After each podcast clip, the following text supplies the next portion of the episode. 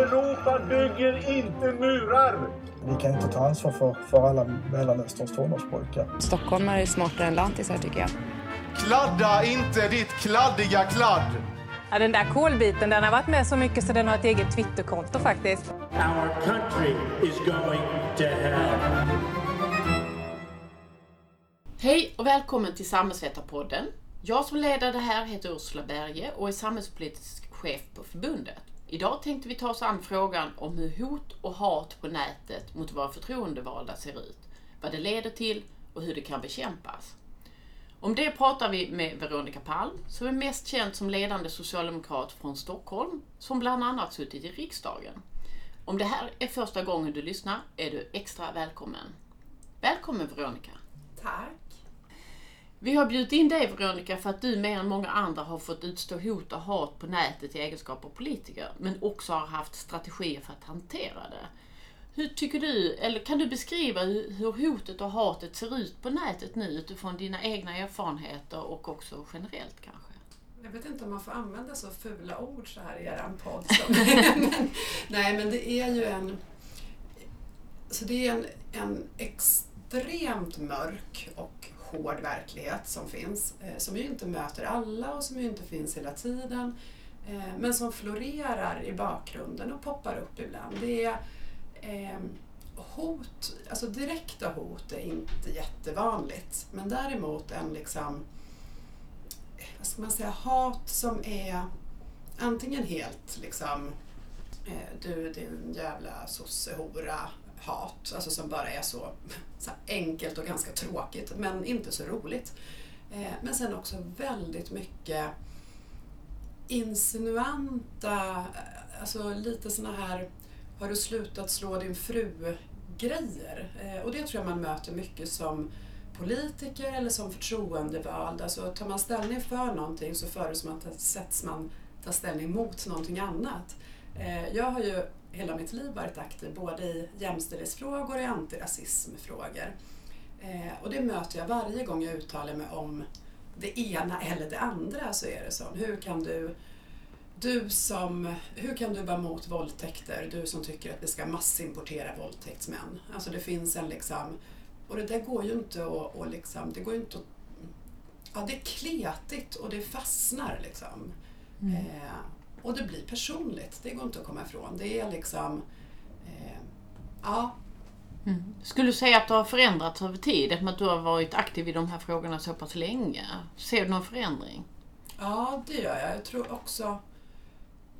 Alltså jag tror att, först trodde jag, ska jag säga, för kanske fem sex år sedan, att det var de som satt hemma framför TVn och knöt näven, att de nu fick liksom ett forum att, med sociala medier att eh, säga samma sak. Men sen är, upptäcker jag att det är verkligen, det är inte bara eh, arga, arga gubbar som är lite halvfrämlingsfientliga som säger det de tidigare liksom sa framför TVn utan det blir också en Alltså när, så funkar ju människan. När man möter andra och får sina åsikter bekräftade så späs de på och så utvecklas det. Så att det, det som jag mötte men när jag knackade dörr i valrörelsen för 20 år sedan, det är inte det som jag möter liksom på nätet idag utan det är mycket hårdare och mycket mer, ja men det man kallar för åsiktskorridorer. Alltså man, var och en har sin verklighet där man har pratat med sådana som tycker som en själv och sen så är det så självklart. Liksom. Eh, så det är hårdare men också mer inte öppet för diskussion. Alltså en dörrknackning när man möter någon liten halvrasistisk gubbe på 90-talet kunde man ändå diskutera med. Det, det går inte att göra i sociala medier med motsvarande gubbe idag. Mm. Men du beskriver både tillväxten av sociala medier, att det har blivit en kanal de kan använda, men också det här att man befinner sig i mer slutna åsiktsrum. Ja. Är, det, är det båda de här effekterna som vi ska förstå de här eh, förändringarna i? Ja, det tror jag. Och jag tror absolut det. Alltså, sociala medier är ju ett, ett helt fantastiskt verktyg för förtroendevalda och makthavare och politiker eh, en demokratiseringsvåg. Rätt använd så är det ju en enorm möjlighet att vem som helst, när som helst kan följa vilken makthavare som helst, kan ställa frågor till, kanske få svar, kanske, man kan inte begära att folk alltid ska svara men, men det är en enorm demokratiseringsvåg. Men fel använd så är det ju också en, en möjlighet till, så, till ja, hot och hat på ett annat sätt. Så både verktyget, eh, det man kallar för åsiktskorridoren, att man länk, alla länkar samma, samma artikel från, eh, som man har liksom, som bekräftar ens åsikter. Eh, men sen också, och det där, är lite, det där är lite svårare att förstå tycker jag, det som alltså föraktet mot kunskap på något sätt. Som är, jag mötte jag mötte någon som sa att ah, ni, ni, alla politiker bara vill kasta ut eh, sjuka ur sjukförsäkringen. Eh, och säga nej, det är ju inte riktigt sant. Jag tror inte, men nu ändras ju lagen och det här lagförslaget har gått igenom och budgeten ser ut så här. Och då säger han, ja ja, det säger du ja. Ja, det säger jag för att det står i statsbudgeten att lagtexten ser ut så. Men då blir, det, då blir statsbudgeten och lagtexten lika mycket värd som hans åsikt om att det känns som att politikerna sparkar på de sjuka. Och det där, alltså att det inte finns, det finns ingen sanning utan varje persons sanning är lika viktig som alla andra sanningar. Eh, det så, tror jag kombinerat med den här åsiktskorridoren. Så mina barns lärare säger att jorden är rund och mina barn säger att jorden är platt. Så, så, ja, liksom... så är det så här, vi har olika syn på det där. Precis. Um, du, um, min bild är att om man aktiverar sig i frågor som handlar om feminism och antirasism så är man värre utsatt i det här avseendet än andra. Är det din verklighetsbild också? Ja, det är det. Det är min verklighetsbild, på tal om det här med olika verkligheter. eh, men, och det tror jag, på en nationell nivå, på den, den typen av politiker som jag är eh, och har varit nationellt och, och ganska utåtriktad, eh, då är de de värsta. I Eh, när det gäller hot eh, och att bli ja, men fysiskt hotad så är det ja, kommer jag inte ihåg vilka som toppar, men jag tror att antingen så är det skolnedläggningar eller så är det vargfrågan är också en väldigt liksom, hård fråga. Men det är ju de politiker som driver de frågorna, alltså i en eh, utflyttningskommun där man tvingas lägga ner byaskolan. Det är ju inte nationella politiker. Eh, så när det gäller hat och drev och, och, generella hot så tror jag att det är, då är det feminism, antirasism, integration. Ja. Eh, men när det gäller lokalpolitiker så är det lokalpolitiker som vi aldrig ser men som kan utsättas för enormt hat och hot. Men varför har det blivit så här? Alltså man kan ju förstå det här när, när den lokala skolan läggs ner så är det väldigt mycket min välfärd, mm. mina barns bästa eh, väl och ve som, som är hotat och att jag känner mig väldigt stressad över det. Men, men de här mer generella frågorna, vad handlar det om? Fast där tror jag det är den här åsiktskorridoren, alltså att, att eh, få möjlighet att använda, alltså känna att man är en del i ett socialt sammanhang. Att sitta hela kvällarna framför datorn och känna att liksom alla håller med mig och vi i det här fikarummet, liksom, vi, eh, så blir det ändå en upp upptrappning av, av alltså den, både av argumenten men också av att bli bekräftad i det som, det som inte, man, inte, man tror sig inte ha fått säga för att det inte är politiskt korrekt. Det får man helt möjligt, plötsligt möjlighet att säga, man blir bekräftad i det. Och det yttersta, och så drar man det till den allra yttersta, så är ju det eh, Anders Behring Breivik säger att han hämtade influenser från de terrordåden han begick i Oslo och Utöja från sina nätverk på nätet. Han upplevde ju inte att han var själv utan att han gjorde det som alla andra pratade om. Mm. Man har också bilden av att eh, i alla fall jag som också ibland utsätts för allt möjligt på nätet kan uppleva att, att det finns ett olika tilltal till kvinnor på mm. nätet och, och män på nätet. Du har ju massor med partivänner som är lika mycket antirasister och lika mycket feminister som du är. Upplever du att det finns en skillnad där mellan män som bär dina uppfattningar och, och, och, och du och andra kvinnor som bär dem? Ja, det gör jag. Och jag tror också jag tror att människor som har en annan etnisk eller kulturell bakgrund än vad jag har också upplever det hårdare. När det gäller att vara kvinna så är det ju, alltså det är egentligen jag tror att de tycker nog samma sak så, om mig och manliga partikamrater. Eller det behöver inte vara partikamrater som tycker ungefär likadant. Men, eh, men däremot så är, blir det, och det låter så konstigt när man säger det för det är helt absurt, men det är som att min kropp blir ett extra eh, argument i, eh, alltså, eh, väldigt ofta så ifrågasätts liksom min sexuella läggning. Har ingen lust att diskutera, diskutera min sexuella läggning med någon faktiskt. Det får liksom. Eh, eller eh, ja, men hur ofta jag har sex, att det skulle vara en liksom, eh, att min eventuella brist på sexuell aktivitet skulle göra att jag drev vissa frågor. Det är ju helt absurt men det är ganska vanligt och det Mm. tror jag inte att män, eller det vet jag att män inte utsätts för.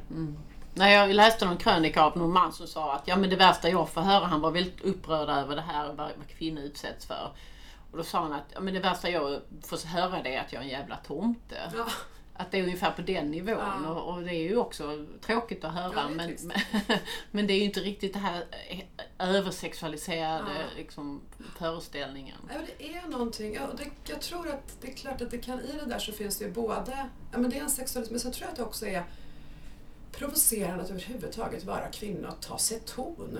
Eh, vilket låter konstigt när man lever på 2000-talet, men att det liksom eh, Ja, det är provocerande i sig och då är lättaste sättet att slå ner på en kvinna det är att, att eh, förlöjliga hennes kropp eller hennes utseende. Eller, ja. Hör du detta från både män och kvinnor? Eller ja, det Ja. kanske bara är ägghuvud. Så. Ja, ofta är det ägghuvud. men eh, jo, men det tror jag, det är faktiskt ingen skillnad. Eh, li, jo, det är nog kanske lite fler män och de kan vara lite mer explosiva. Eh, och de kan också, det också helt, alltså det låter ju så konstigt, men det är en, eh, en ganska vanlig så här, eh, vad heter det, komplimang. Så här, hon är ju lite dum i huvudet, men hon är ju snygg i alla fall. Eh, det är ju och sen så detta i allt grövre varianter naturligtvis. Eh, det kommer inte från kvinnor, men det är in, alltså kvinnor är kan också vara sexualiserat eh, liksom, eh, mindre, men, men det finns. Jag tänkte vi ska återgå till det här du säger, du har knackat mycket dörr och så vidare. Ehm, om du möter de här människorna som eh, uttrycker sig så här på nätet. Hur upplever du när man får närmare kontakt med dem? När man börjar mejla med dem och försöka argumentera och förklara hur man tänkte. Eller när man möter dem på gatan. Upplever du att, att man har helt andra normer för vad som är socialt acceptabelt och inte när man har det eh, liksom, närmare eh, fysisk eller, eller liksom mental kontakt? Jo, det, så är det. Eh, inte på mail eller i chattforum eller sådär för då, är det, då, är man fortfarande, då kan man fortfarande vara anonym och man kan låta bli att svara eller man kan skriva. Alltså, eh, så det upplever jag inte. Då blir det väldigt ofta cirkelresonemang och omöjligt att ta sig ur. Eh, men däremot om man möter samma typ av människor som går fram och säger samma sak ungefär till en. Eh, så upplever jag, ja men det är klart att det är, en, det är klart att det är inte, folk inte, när man ser någon i ögonen så har man en liksom bättre attityd. Det tror jag är en så här grundregel för hur man ska bete sig på nätet. Det säger ingenting som du inte skulle kunna säga till någon som du såg i ögonen. Sen är det ju så att, att också när man ser en makthavare och politiker i ögonen har blivit hårdare. Alltså, jag har de senaste tio åren mött fler som är inte bara genuint och berättigat upprörda över samhällets tillstånd eller politiska förändringar utan som också blir ja, men lite hotfulla. Lite så som det bara var fullgubbarna som var förr. Så är det fler människor som beter sig. Eh, så det är, inte, det, är inte, det är klart att det är bättre men det är, det är på något sätt så känns det som att det liksom har spilt över eh, lite grann ändå. Och det kanske beror på att man har suttit hemma och fått sin åsikt bekräftad och så kommer någon politiker och är sådär politiskt korrekt och inte och låtsas som att man inte har rätt. Liksom. Men upplever är det, är det någonting som handlar om hur samhället har förändrats, klyftorna ökar, de känner att de har, har kommit i ett utanförskap de inte förtjänar? Eller handlar Och att det jag om inte åsikter? förstår. Att jag inte, alltså nej, inte nöd, nej, det är väldigt sällan det handlar om åsikter. Alltså de, eh, alltså, den typ av människor som jag möter som är eh, hatiska är kanske ett starkt ord, men väldigt, väldigt otrevliga. Eh, öga mot öga. Eh, väljare som jag möter så. Det är eh, människor där jag nog troligen inte delar kanske synen på invandringspolitik eller jämställdhet med på något ideologiskt plan. Men delar liksom synen på fördelning, ekonomisk fördelning, på synen på arbetsmarknad. Alltså traddiga sosseväljare skulle jag säga. Men som är ganska... Eh, som, som upp, upplever att man inte blir tagen på allvar, att ingen ser min verklighet, att politiker bara håller på och pratar om fjollerier och vet inte hur det är här i våran bygd. Eh, och då blir ju jag en symbol för det. Och är jag en symbol anonymt på nätet så kan man vara mycket hårdare men man kan också vara ganska hård när jag som kvinna från Stockholm kommer och besöker och, och eh, då kan man vara ganska hård även öga mot öga. Inte så att jag upplever liksom att det är hotfullt eller att jag är, liksom blir rädd eller sådär men det är någonting i, ja, men i den där tudelade landet där en grupp människor upplever att det där all den här globaliseringen och EU och framgången och tillväxten, det var inte för oss. Utan det var för de där i Stockholm eller de där lite rikare eller ja, vad det nu är för någonting. Mm. Så det är både en klassfråga men också en liksom, och, sen så får de, och då får man då det bekräftat i de här nätforum och på rasistiska hemsidor. Och, ja. Och då, då, kan man ju, då finns det ju logik i att starka kvinnor i Stockholm blir ett hot. Du, du, ja. du hotar männens historiska överhöghet så att säga. Mm. Du hotar eh, ja, massor av föreställningar om hur samhället förr var konstruerat av den vite mannen som, mm. som ledde som både familjen och, och samhället och, och var familjeförsörjare och bestämde. Du hotar ju nästan alla sådana mm. historiska eh, positioneringar. Och då spelar det liksom ingen roll att jag säger att, att nu höjer vi taket i a-kassan och sänker pensionärsskatten. För han tror ändå att jag är, är liksom hans motståndare. Så. Mm. Ett argument man ibland får höra det är ju det här att man får faktiskt tåla vissa saker när man är ute som, och, mm. som förtroendevald, som politiker. Eh, hör du det argumentet också? Och hur ska man förhålla sig till det? Jo, det hör jag nog ibland. Eh, och det tycker jag nog att man får i den politiska debatten. Alltså, eh, nu menar inte jag att, att politik ska vara liksom slugger och slaskigt och hårt och sådär. Men, men det är klart att det är ju en, politik är ju viktigt. Det är ju ingen gulle gullverksamhet utan det handlar ju om att vi vill bryta åsikter och idéer där vi har olika tankar om hur samhället bäst ska utvecklas. Och det kan vara ganska hårda argument. Det har jag inga problem med. Det tror jag är bra till och med att det tydliggörs för väljarna att liksom, det här tycker Moderaterna och det här tycker sossarna. Eh, men det är ju en sak. och, eh, jag var, nu tror jag att jag har överlevt det här, men jag var ganska rädd ett tag att jag skulle ja, men att allt det där runt omkring, hela liksom hatsvansen och de här eh, som inte nödvändigtvis, utan som bara är insinuanta.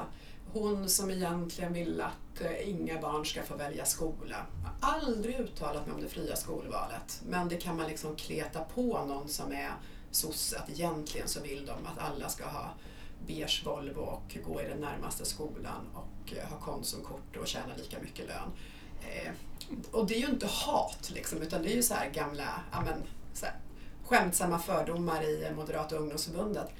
Det, den typen, och sen så kan det liksom stegras. Så här, det jag försöker komma fram till är att jag ett tag var jag rädd för att jag skulle bli okänslosam, eller att jag inte skulle reagera, att jag liksom skulle bli för hård. Eh, eftersom det där eh, sen övergår till liksom kan övergå till hat eh, i nästa led. Eh, jag tror inte jag gjorde det, men det, det, finns, en, ja, det finns en hårfin gräns för liksom, vad man ska tåla, vad som är liksom skämtsamt och vad som är eh, kanske i nästa led blir eh, ondskefullt och sen hatfullt och till slut hotfullt och ett argument att faktiskt också använda fysiskt våld i slutändan. Mm. I november förra året så valde du att lämna Twitter. Mm. Eh, berätta om hur du kom fram till det beslutet då. Så det var nog så att från sommaren ungefär så hade jag liksom varit mindre och mindre aktiv för att det var så jäkla jobbigt. Alltså det var bara helt, så fort jag öppnade så var det bara kletiga saker som jag inte kunde svara på, saker som var eh, men så här, du, du tycker så här. Bara, ja, men såna, har du slutat slå din fru-grejer hela tiden? Varför vill du massimportera våldtäktsmän? Varför vill du, ja, vad det nu är för någonting. Eh, och jag började nog, liksom, så började det så här håglöst radera några, svara på någon och göra. Och så fick jag liksom ingen styrsel på det där. Det kändes som att det som, det som blev liksom... Alltså det var nog inte egentligen... Det var ingen händelse som gjorde att jag slutade men det var någonstans här droppen när jag sitter hemma i min soffa så bara, men gud ska jag sitta här en, liksom, en kväll ensam i min soffa och ägna mig åt idioter eh, och, försöka, och bli ledsen av det och bli liksom det, nej, det är faktiskt inte... Ja, jag är ingen... Jag är inget... Eh, eh, ja, men jag är en människa och jag har faktiskt rätt eh, till vem som har rätt till mig. Eller jag har rätt att själv bestämma vem som har rätt till mig. Eh, och då valde jag att stänga av helt. Det var jobbigt för jag tycker ju som sagt om idén. Jag tycker om att samtala med människor. Jag tycker om att, att skämta. Jag tycker om att vara lite spydig ibland också. Alltså, så. Eh, jag tycker om att ha dialoger med andra politiska människor från andra politiska partier på nätet, att göra den offentlig. Att liksom, ehm, men då valde jag att stänga av eh, helt i en månad och det var jätteskönt. Det tog ett tag innan det blev skönt för det var lite stressande i början. Men sen var det väldigt skönt.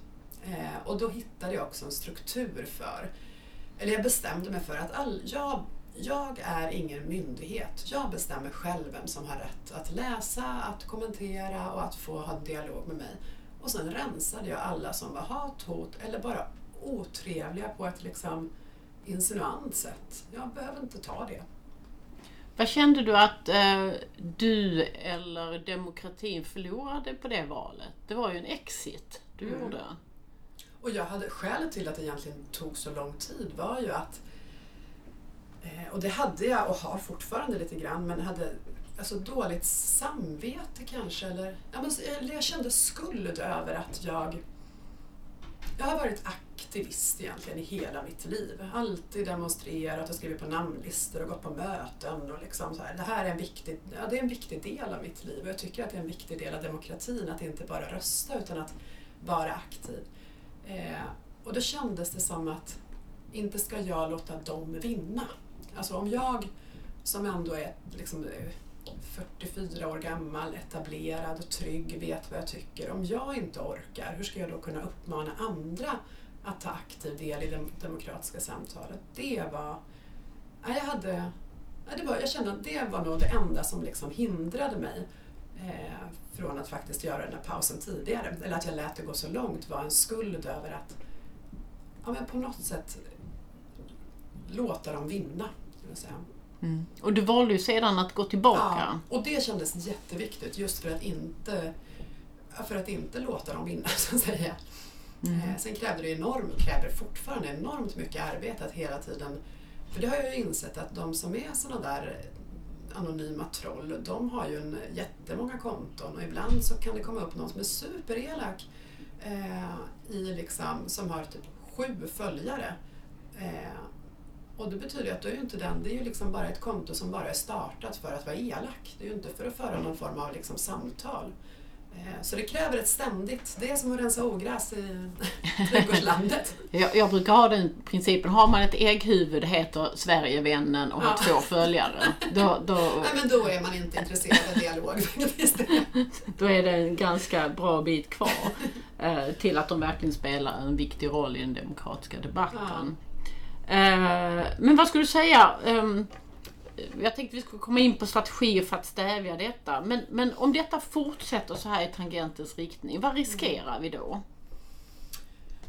Vi riskerar att fler och fler tystnar. Att det inte är värt det. Att det inte är liksom... Att fler och fler tystnar, att fler och fler till synes normala människor, så här, normala debattörer, blir eh, alltså för att komma igenom mediebruset så måste du vara liksom hårdare och sen så trissas den vanliga diskussionen upp till att bli hårdare. Eh, och det gynnar inte demokratin. Det gynnar inte att vanliga människor ska känna att man kan liksom vilja vara med i samtalet. Jag brukar säga att jag, när jag kritiserar Moderaterna för, för den sjuk eh, ja, rehabkedjan eh, och förändringen av den så var jag väldigt noga med att använda just ordet Moderaterna eller regeringen eller Alliansen.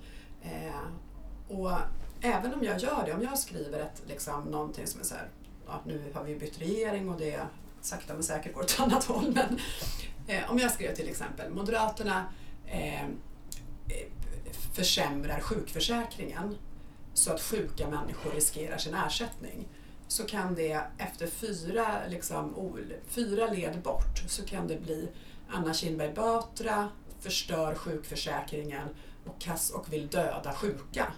Vilket inte är sant. Eh, och det, har inte, det, är liksom, alltså det, finns en, det finns något i det där upptrissade som gör att jag har alltid ett ansvar för att inte använda och just när det gäller Anna Kinberg Batra som är kvinna så finns det ett gott skäl att inte använda henne som namn eh, i liksom för att ge nästa led möjlighet att sexualisera henne. Så, eh, och det där är Ja, det blev ett konstigt resonemang, men förstår du vad jag mm. menar? Det, är, det finns alltså att hålla sig till politik, eh, men att inte göra det personligt, att inte skada framförallt de kvinnliga, stats, eh, eller kvinnliga Eh, den kvinnliga statsministerkandidaten vi har, eh, även om jag inte tänker rösta på henne. Eh, men också att inte ge någon möjlighet att liksom göra om det jag säger till någonting hatfullt. Och där har ju, där har ju Moderaterna ett par eh, politiker, politiska företrädare som faktiskt eh, glider på den där skalan på ett läskigt sätt. Mm. Jag tänkte vi skulle prata om strategier. Mm. Du, eh, en strategi du valde det var att inte köra exit utan du gick tillbaka till Twitter. Du valde att rensa. Mm. Eh, kan du berätta lite om vilka strategier som du tänker att man måste använda sig av framöver? Och vilka du själv har använt och vad du talar för att man borde göra? Jag tror att man ska supporta varandra. Alltså supporta goda krafter. Eh, det tror jag är viktigt. Att gilla andra, att retweeta andra, att liksom upp, lyfta upp varandra. Eh, framförallt viktigt när det gäller kvinnor eh, som får utstå mycket hat så kan de också behöva mycket positiva saker. Jag tycker att man ska anmäla alla hat. Absolut anmäla alla hat. Och jag tycker också att det borde finnas möjlighet att anmäla eller förlåt, hat och hot eh, naturligtvis. An, absolut alla hot och anmäla hat. Eh, det borde finnas möjlighet att anmäla sånt som jag inte kan bedöma om det är brottsligt eh, så att polisen får göra brottsbedömningen. Eh, och det där är lite problematiskt idag för att det är klart att polisen kan bara utreda brott. Eh, och jag vet, det är många av de saker jag får så vet ju inte jag om det är ett brott. om det är en, eh, hade no, ja, någon som skrev eh, jag, såg, jag såg dig och din dotter på tunnelbanan Eh, punkt, punkt, punkt. Det är inte, det är så här, hopp. Om min mamma hade skrivit det så hade jag sagt, vad kul, varför ropar du inte hej? Men han var anonym, han var eh, så här, från någon nazistparti. Eh, vi var på väg in till en, en, eh, eh, en av de här flyktingdemonstrationerna som var under flykting, ja, när det kom så mycket flyktingar för förra hösten. Och då kan, jag kan inte bedöma om det där faktiskt var ett hot om våld mot mig och mitt barn. Eh, eller om det bara var en... Alltså det, men det borde någon annan kunna bedöma. Mm. Tycker du att lagstiftningen är, lagstiftningen är tydlig nog? Eller antalet rättsfall har varit så många att man vet ungefär var gränsen går? Nej, jag tycker att jag har ganska många, jag har ganska bra koll på vad som finns. Jag kan inte bedöma vad det är som är brott och inte brott och var gränsen går. Eh, jag vet inte om lagstiftningen är till, lagstiftningen kanske är tillräckligt tydlig men inte liksom det har inte varit tillräckligt mycket fällande domar så att det går att se. Och det tror jag beror på att människor inte anmäler. Eh, och att man inte anmäler gör man för att det, inte, för att det är så jäkla krångligt. Alltså det är, du, ska gå, du kan inte anmäla den här typen av brott på nätet. Du måste liksom promenera ner till en polisstation med din dator, slå upp den, skriva ut vad det är som har förklarat för den här polismannen. Alltså det, det är ganska många steg på vägen som gör att man hinner tröttna och väljer att bara radera istället. Eh, så jag tror att om man, om man på riktigt vill ha in eh, anmälningar från polisen och se vad det är för någonting, då borde man göra någon enkel bara klick på polisens hemsida. Man kan skicka vidare saker för att de får göra en bedömning. Så det tror jag skulle göra skillnad. Och så öka andelen outredda brott. Ja, jo så är det ju. Det blir, effekten på statistiken blir inte snygg hos polisen. Då får man ge anslag till polisen på andra grunder. Ja. Men jag känner det, eh, jag som också, jag har ju anmält allt möjligt även långt mm. före sociala medier som har blivit utsatt för allting som, som jag har anmält har ju lagts ner i brist på Ja. bevis. Så, så incitamenten för dig som är hotad, är ju, du, har väl inte bättre track record i det avseendet än vad jag har tänker jag. Nej. Så hur ska de här incitamenten finnas? Hur ska de skapas? Ja, det är sant. Eh, Fällande domar. Men... Ja, det, precis. Det behövs ju fällande domar. Men också tänker jag att man får tillräckligt mycket. Alltså får man tillräckligt mycket så här, bevismaterial är väl fel, men alltså tillräckligt mycket, vad heter det? Anmälningar så man ser problemen. Eh, det tror jag borde vara viktigt att säga. Men det där det kräver ju, alltså det betyder ju inte att incitamentet för mig som individ ökar. Men det ökar ju i samhället. Alltså det, finns, det är viktigt för oss alla att många anmäler, men det är ju Mm. mitt incitament att promenera med min lilla dator under armen ner till polisstationen och göra, avsätta en halv dag för att köa och göra en polisanmälan på något som jag inte vet om det är ett brott. Det är ju inte så starkt. Nej. Du, eh, förutom det där som handlar om vad man kan göra med lagen och rättsväsendet, vad kan man göra mer för att eh, stävja detta? Ha strategier för att hantera hot och våld, hot och hat? Prata om, tror jag också. Dels att, ja, men som jag sa, gilla på nätet och sådär, men också prata om. Det tog det här med att det är skillnad på kvinnor och män, det är klart att jag fattade att det är liksom skillnad på alltså det som rör min kropp. Men det var först när jag någon gång så här, av en slump bara blev så åh gud vad tröttsamt och så läste jag upp någonting i en grupp av människor. Där jag inser att men det har vi aldrig pratat om. Flera av oss är utsatta men vi har liksom inte pratat om det. Eh, så det tror jag är viktigt. Att, eh, och det, regel, det som hände då var också att killarna i den där gruppen var alla helt jättechockade eh, över att det var så grovt. Så prata om, anmäla allt, gilla varandra. Också strunta i dem som... Alltså du har, du har ingen skyldighet att vara artig mot någon som hatar dig eller är otrevlig mot dig. Eh, utan det är... Jag får väldigt ofta sån här, framförallt rasist, eh, som bara ah, Veronica Palm hon svarar aldrig. Så, Nej, men om du ställer en vettig fråga då lovar jag att svara. Det är en, alltså att faktiskt inte... Min bild är att de hela tiden driver de här medvetna missförstånden och hela Ah. tiden skruvar det så att de göds av, av mitt svar. Ja, just det. Så det finns liksom ingen idé att gå in i ett logiskt resonemang med någon som faktiskt inte tänker logiskt. Eh, och det där är ju ett, det är ju ett jätte, jätteproblem. Nu tack och lov så är ju eh, det här inte, det är ju inte ett snitt av befolkningen, men det är klart att med det här åsiktskorridorstänket och att man bara läser sina, man ser sina egna nyhetskanaler, man väljer vilka klipp man tittar på, man länkar samma sidor, så blir det ju en liksom tudelad information. Eh, så i förlängningen så är det ett stort problem men det finns ju ingen anledning att du ska gå in och liksom föra ett resonemang med någon som inte har intresse, som faktiskt inte vill veta. Ja, Jag blockar. Ja, ja. Det Nej, men jag, blocka, jag, strunta i. Men en sak som man också kan riskera att göra det är att man undviker vissa frågor, att man har strategier. När jag jobbar på ledarsida så skrev jag alltid eh, artiklar om, om invandring på tisdagar, jag, eller på lördagar, för jag jobbar inte på söndagar. Eh, Så att man hittar sina strategier. Eh, Och de kan ju både vara bra och dåliga, för bör man undvika vissa frågor så har de ju också vunnit. Mm. Men en, sak är, alltså en annan sak, det här med diskussion, så tänkte jag på fredag har min dotter i skolan en temadag om etik på nätet. Hon går i tvåan. Oj, vad häftigt. Ja. Vad säger du om det? Det tror jag är jättebra. Och det är med, jag har ju tonårsdöttrar eh, och de är ju betydligt mycket smartare än vad jag någonsin har varit i liksom hur... För dem är det ju så självklart att det är ett sätt att umgås. Eh, på gott och ont. Ehm, så jag tror absolut att man behöver föra samtal med hur man beter sig och vad man ska stå ut med. Att veta att alla bilder du någonsin har lagt upp kan någon ha screenshotat och de finns kvar i all evighet. så, eh, så att också skydda sig själv på nätet. Eh, jag var på föräldramöte i mina, eh, jag har tvillingar som är 13 år i deras skola och där hade de en, då sa de att vi ska eh, de, gav, de hade någon så här handbok, ett tips vad du frågar ditt barn. För att, här, har du en tonåring så svarar hon ja eller nej i bästa fall. Eh, vad ska du, vad ska du liksom fråga för att få reda på? Då var det sån ah, hur har skolan varit? Vad har ni lärt er? Eh, vad har du gjort på Instagram?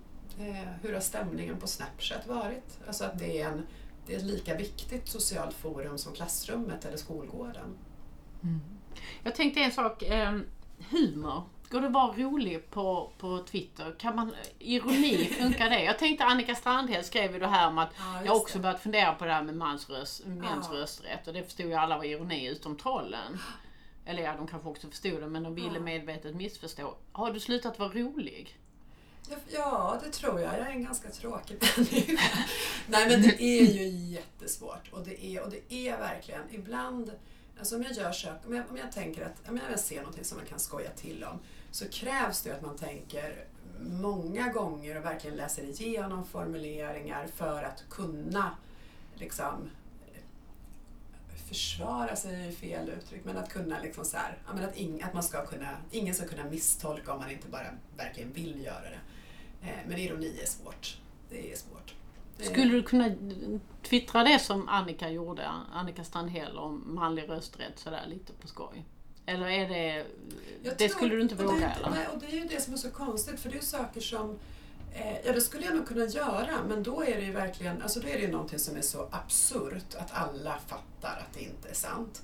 Eh, och när till och med det liksom blir en, eh, och då blir det en, först ett liksom så här trollspinn och sen kommer det in några liksom, ja, men hyfsat normala politiker som säger att det ändå, ja hon kanske skämtade men det var ändå oansvarigt för att det finns vilket ing, alltså ingen för tio år sedan skulle ju liksom reagera så. Man skulle bara fnissa och gå vidare.